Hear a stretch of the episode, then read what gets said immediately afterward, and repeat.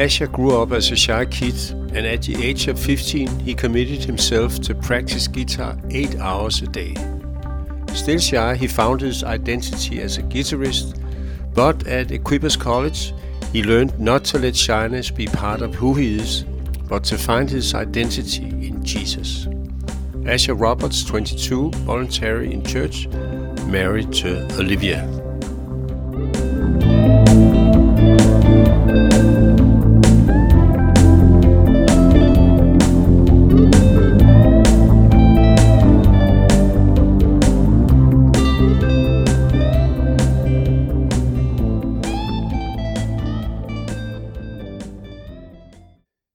Made a commitment uh, as a 15 year old teenager. Yeah. Um. So I I got into guitar like when I was seven or eight. I started playing guitar. Um. Uh, and I think it was just kind of a thing that I did. But then around about fifteen, I decided that um I wanted to do this for real. Um. Like seriously. Um. And um. I decided that to do that, I needed to put all of my time into it. Um, so at the time, I was playing a lot of video games, um, and you know, I was I was playing a lot of video games actually. So um, I uh, decided kind of overnight. It was one of those radical. I don't know what happened, but I went up to my dad and I was like, "Hey, um, I want to sell my Xbox tonight," and and he was he kind of looked at me like, "Well, what are you doing?" And I was like, "Seriously, seriously, I, I want to get rid of it." And I think the next morning uh, it was gone, and I had nothing anymore. So all I had was my guitar, and and I was like, "Well, that's just what I've got to do now. That's how I spend my time." Um, so I, you know, I started, I got into this guitarist um called Steve Vai, um, and I, I saw that he had like these practice um uh, kind of practice. He, he would tell you how to practice, and it would go for eight hours. So I decided, all right, I'm going to do that. So for for a while, I practiced like eight hours a day, um, and and yeah, it kind of became like my goal in my life to become. I wanted to. I wanted to. Um, I wanted my life to be music, and I wanted. I wanted to work. You know, I just wanted to have a career in music and guitar, and and um, that was my goal at least through uh, my late teenage years. Um, yeah, and I, I kind of felt you know to do that. Um, you know, Coffs Harbour is awesome, but I felt like I needed to move um, somewhere bigger. Um, uh, so you know, there were a few places where I I was thinking. You know, we have Sydney, which is quite a big city in Australia, and and we have Brisbane, and we have a few big cities um, where I was like, yeah, there's there's opportunities there for a musician. But um, uh, I actually heard about this this thing in uh, New Zealand, Auckland, called um, Equippers, um, and uh, my my friend, uh, best friend, who also actually taught me guitar for a little while, he um he does he went there in 2015, and he came back to Coffs um, just completely changed. Like I just I was just it was just like seeing a new friend in a way. So, um, and it was it was actually, you know, he developed musically, um, but I saw a lot of change in his character and and just as him as a person. You know, I saw him stepping into like leadership, and I saw saw him. Uh, in the way that he was like communicating and just he just became aware of himself as well as a person and and I was like okay, maybe there's more to life than just music. maybe I can actually learn more about myself as well. So um, then Equippers College happened in in uh, 2018. Yeah. What happened in church before going to college? Before I moved to New Zealand, uh, I think about f- four months before, um, I had a bit of a falling out in church, and I, you know, just um, I was just carrying a bit of hurt and a bit of offense from church, and um, uh, actually, you know, and also I had my friends had kind of moved away from Coffs Harbour at the time, it was a t- it was a season of my life where I was just like, I I think no one understands me. I'm just gonna isolate myself and try and do life in my own strength. and um, it was lucky enough I had already planned to go to Equippers College in a few months because the darkest season I've probably gone through was those four months. Arriving at Equippers, your coming mentor started praying for you? This was Wayne Huirua, who was my mentor throughout that year. And um, he's got a really awesome way of seeing through you, um, but with a heart that is, you know, he he really cares for you. And um, actually, I need I need people I need people to talk to about this because um, I was just holding it in so much. I needed a leader who was um, not going to be soft on me, but actually bring out the things that I needed to talk about in a loving way. Yeah, I had a special moment, um, like one of the first classes in college. Um, we had like a prayer session, and you know, you go up to the front and get some prayer for the year or whatever. And um, I remember Wayne just like straight away just sensing that like I was carrying a lot of hurt, a lot of pain, and I needed, I needed an environment where there would be space for me to heal. Um, and that was really what you know what was good about going to college was like getting myself back into a Christian environment, into a place where I can talk to leaders, um, really helped me heal.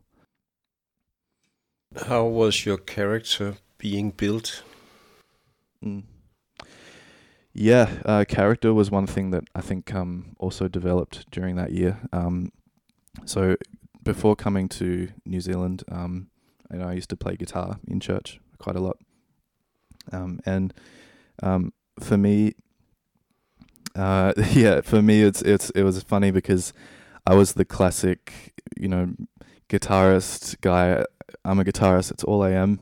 I go into church like just just at the time that I need to be there, and I leave straight after there's a lot of different aspects of character and how that can be developed and you know your attitude towards people and to church and this sort of sort of thing um, but i think i developed in a way like humility um, was i think a big work on for me as a musician and um, you know i used to come to church play then leave and i usually not talk to too many people um, and uh, i think you know when you think of church um, it's all about people you know, going to New Zealand, I put myself in an environment where, sure, they they encourage you to play guitar, use your gift um, wherever it fits. You know, go welcome people in the door if you if you feel like you're called to that, and you know, just serve in the place you want to. But also, you know, go out and meet someone, go out and talk to people. Like we are the church, we are where the people people see when they come into the church, and also like I don't know, just a quick um, uh, context with how it was being a guitarist there. If you're a guitarist playing in the morning service, you turn up at 5 a.m. and then, you know, they, they pack in their whole church. So you're pushing around road cases, you're setting up lights, LED panels, whatever. You're plugging in cords, and um, you're doing that for like hours until you even get a guitar around your neck to be able to play in sound check and um, you know that needed to be done, but it also helped develop my character. Church is more about is more than just about what I get out of it, uh, but church is actually a place for me to give um, as a servant. What was the danger of striving to be a guitarist and neglecting other stuff? Mm. Yeah, I went through a season where I thought guitar was the only thing I needed in my life. It was the only that was my purpose. That was it. That's all I needed to do. Um, you know, spending eight hours playing guitar, it, you know, if you spend eight hours doing anything, it kind of becomes your world, you know. Um, I, I, I realized um, during my time in New Zealand that um, uh, as a creative person, it's so important to um, not only work on who you are and figure out who you are as a person, but also um, uh, don't neglect Jesus in it all. Like, if you're striving for guitar, the priority needs to be Jesus first, and then it can be guitar second, um, because uh, guitar isn't going to equip you for for life. It's not going to equip you for the the tough seasons and the easy seasons. Um, but Jesus can be. He's like you know when they say Jesus is my rock, it's like it's so true. Jesus is that one consistent thing that stays in your life all the way through. Um, and I think as well, like I would I would chase guitar to fill a hole in my life. Um, and actually I realized that that hole was only able to be filled by Jesus. Um, and I don't think like I'm not saying it's bad to be a guitarist. I think some people actually are called to be a musician or a producer or um, you know someone in that environment. Um, but um, I think you got to do it with Jesus first. Was it yeah. the process? Yeah, um, it was a process. It wasn't just a straight day. You know, next day I'm all of a sudden like fully prioritizing Jesus. Um, but um, I put myself on a journey. I surrounded myself in an environment where um, people encourage you, hey man, go for Jesus, and then, um, you know, play guitar, but do it for Jesus. You know, like that sort of mindset. And unfortunately, putting guitar first um, says that my identity is in guitar, but if you put Jesus first, then you can find your identity comes from Jesus. What did it do to you to lead a Connect group? Yeah, um, my second year in New Zealand, um, I I wanted to find somewhere where I could sow in to the like, and I could use the things that I had learnt in Bible college. And um, a pretty good way to do that was to start a, a Connect group. And um, I actually didn't realize how easy it is to start a Connect group. And it's like almost if you have a mouth, if you have a voice, um, and you, you know you can do it. Um, just an example, like the one I, I was leading, um, I had about 10 to 12 guys um, around my age, and uh, we met up weekly. Um, and, you know, it wasn't at my apartment, it wasn't anywhere fancy. Actually, um, on a Wednesday um, night, they would have their creative team meeting. Uh, and a lot of my guys were in the creative team. So I was like, well, if they're going into the city anyway, why don't we meet up an hour earlier and I can meet them where they're at? You know, I can meet them. They're already going to the city, so I can I can meet them there, and then we, you know, we we would go out and buy like a five dollar um, chips and chicken nugget box, and then sit around.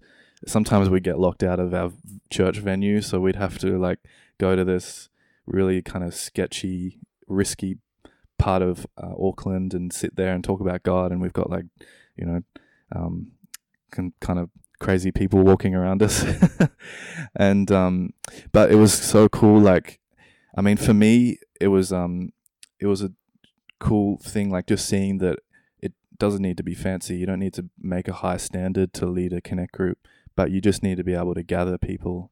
And then it's amazing how like conversation can be, uh, like how easy it is to start a conversation with with guys and how much they'll actually open up.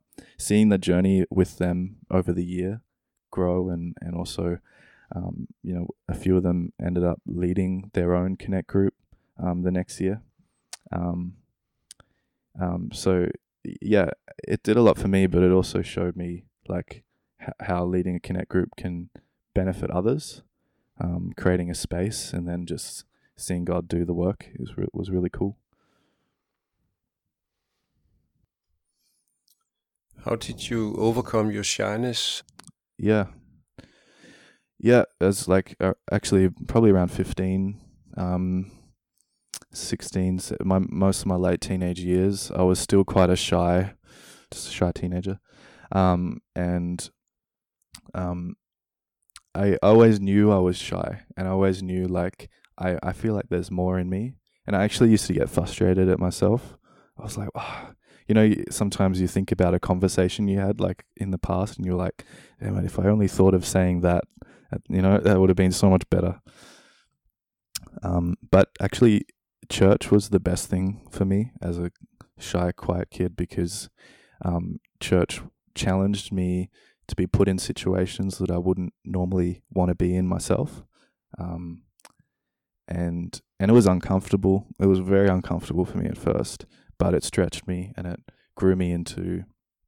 I still think I'm going on a journey with it all, but um, you know, like I would never at 15, I would never have dreamed of even like doing this podcast right now. I would have like that would have scared me actually at 15, but um, it started with small steps. You know, getting you know leading a connect group was like kind of a step towards towards overcoming that. And um, just quickly, like I really in I really liked um, Pastor Sam Monk from Equippers. He um he kind of tells his testimony a little bit where he grew up a shy shy kid as well, and um he always says you know like shyness is not a part of who I am. It's um it's not God's purpose for my life, and um you know because God instructs us to uh, to have a voice, you know, to go out and make disciples, and and um, and it's hard to do that when you when you don't want to speak up. So that inspired me. You know, if he could overcome that, then I felt like I could as well. Spaces for people to dream. I would say the church as a whole created spaces for people to dream, and I think that was actually the the biggest um, the biggest thing that you know would would inspire people to dream is that you know you can dream, but it's actually more about acting.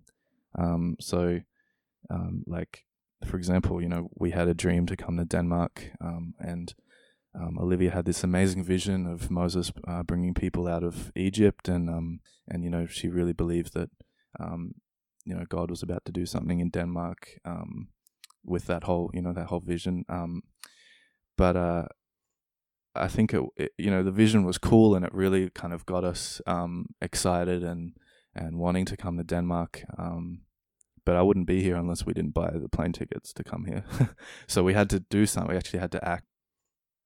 Church in general, any church can do this, but equippers would create um, the space, and you'd be around people as well who would be dreaming and who would be um, just having a language of like, you know, you can do that, you can do this, um, go for it um, but the acting thing was the main thing. You know, we can sit around and talk about our dreams for for a whole life, but um, it does nothing comes up unless you do something about it. So, you know, our process to get here was um, uh, for for Olivia. It was you know she had amazing revelations and visions, and and and it didn't take her as long as it took me to kind of settle on coming here. Um, for me, growing up in Australia, spending a bit of time in New Zealand, a step to Denmark was probably the biggest step that I'd ever have to make faith wise. You know, I had to had to talk to some leaders. I had to talk. I didn't get any crazy prophecies as much or visions that Olivia got, but um, but I just um, you know, I had to talk with some leaders because I was like, what what do I do? Like, like should should I wait until God says something specifically to me? Um, but one guy said, well, actually it's okay to trust your partner in this, in her ability to hear from God.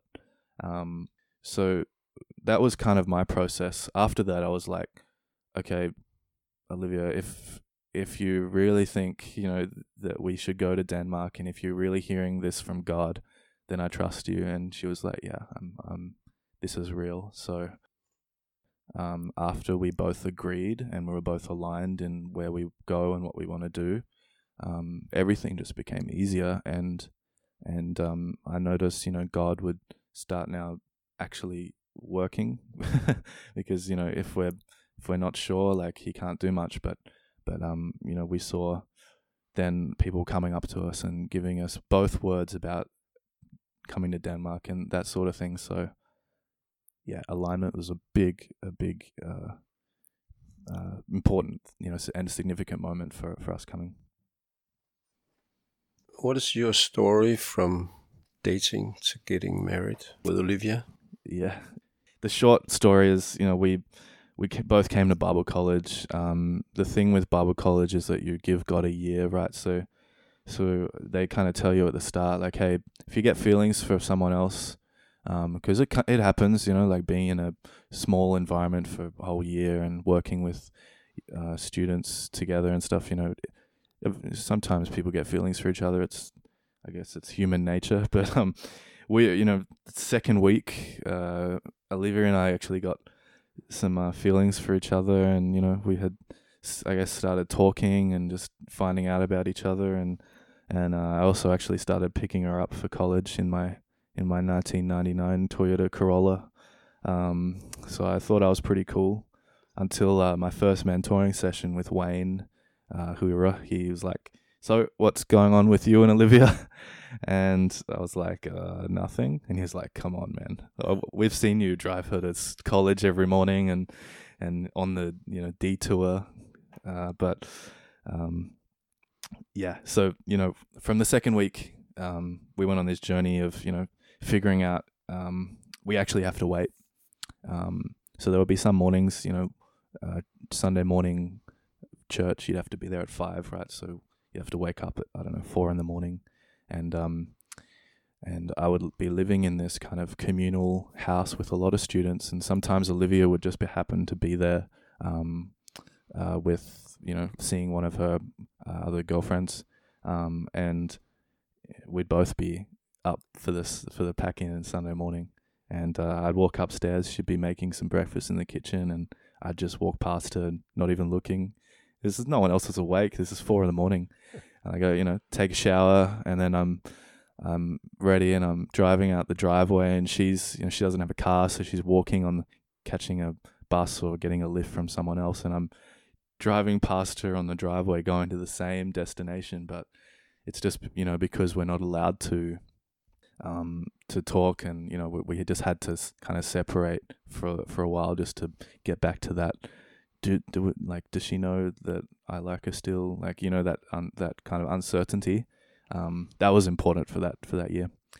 Um, but you know the at the end of the the the year, um, it didn't. You know, I think it was graduation night. Actually, we started. Where I asked her out, and and we you know we started dating, and and then uh, not long after that, proposal happened, and then and then yeah, marriage happened in January, the start of the year. Why did you have uh, to hurry to leave New Zealand?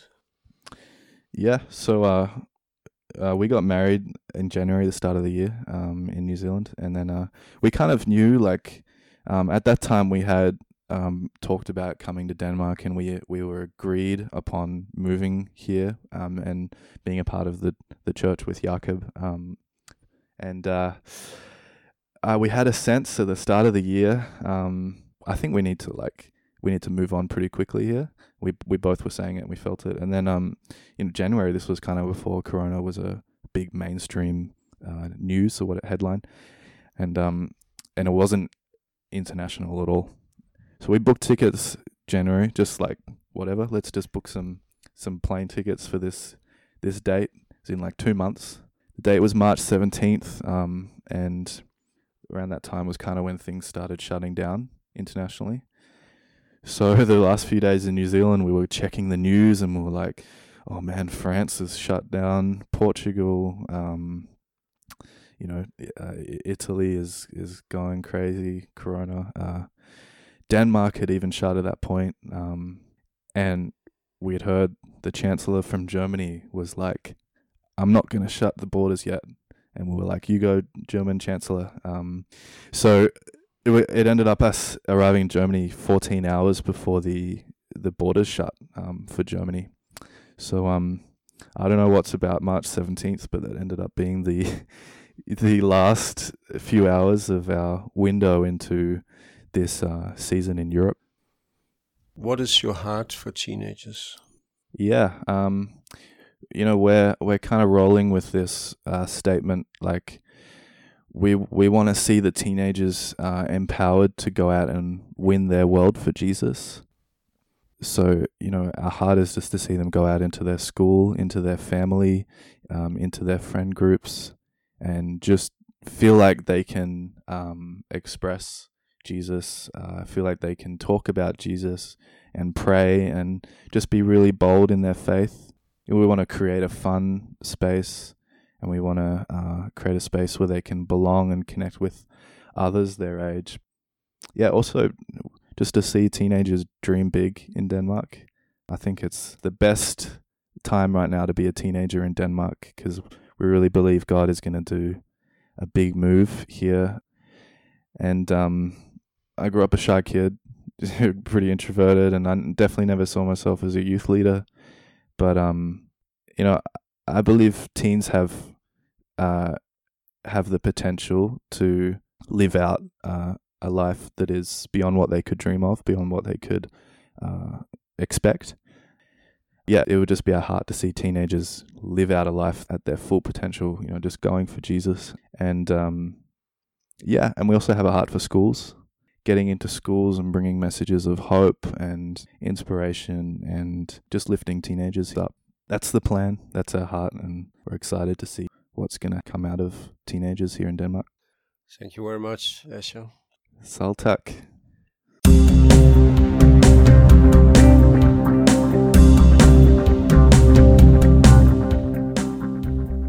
Please call if you have any questions, Monday through Thursday between 10 to 12 a.m.